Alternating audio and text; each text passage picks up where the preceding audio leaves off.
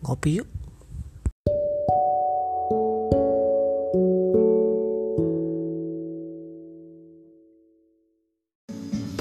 Halo selamat datang lagi di podcast ngopi yuk. Hmm, kayaknya udah lama banget gua nggak update podcast tentang kopi karena ya selain gua ada musibah. Tapi gua nggak akan fokus di itu karena belakangan gua nggak aktif di podcast yang ngomongin soal kopi. Karena gue lagi running usaha kopi sama teman gue terus kita bermitra sama salah satu uh, bakery gitu. Uh, podcast uh, pertama di tahun 2021 ini setelah gue running kopi dan gue lihat atensinya kayaknya gue harus punya hal yang lebih menarik lagi deh. Untuk hmm, satu gimana kopi itu bisa sustain istilahnya apa ya? Uh, semua orang nggak semua orang sih um, semua tahu tentang kopi. Kopi di Indonesia itu potensinya besar dan penikmatnya juga besar orang juga sudah mulai banyak yang beralih dari kopi gunting ke kopi giling karena beberapa faktor. Terus hmm, sudah mulai kelihatan juga kalau kopi itu punya market yang besar juga di baik di apa offline atau di cafe ataupun di online walau saat ini memang offline atau di cafe dine in ataupun take away sangat berdampak banget. Gitu. Gue ngerasain juga karena mulai Desember kemarin 2020 kemarin gue baru aja bermitra sama salah satu bakery.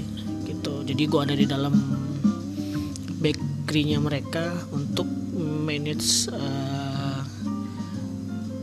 kopi terus manage uh, manusianya sama menu-menu yang ada di dalam AC kopi ini oke okay. um, gue pengen sekedar share tentang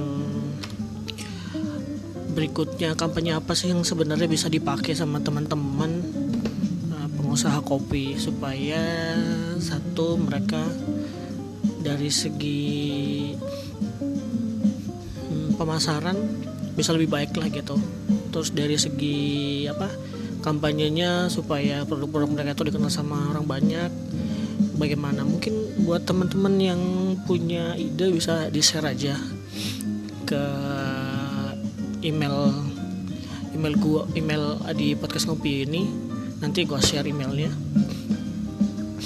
Di, di deskripsi ya terus hmm, kalau gue sendiri sih pengen banget ngikutin jejak yang kampanye yang sudah sudah ada gitu. Supaya uh, apa ya mungkin nggak nggak 100% mengurangin uh, penggunaan produknya batu bahan kemasannya. Tapi paling nggak lo paling nggak kita sebagai pengusaha itu dalam berbisnis mengurangi hal-hal yang sepele lah gitu.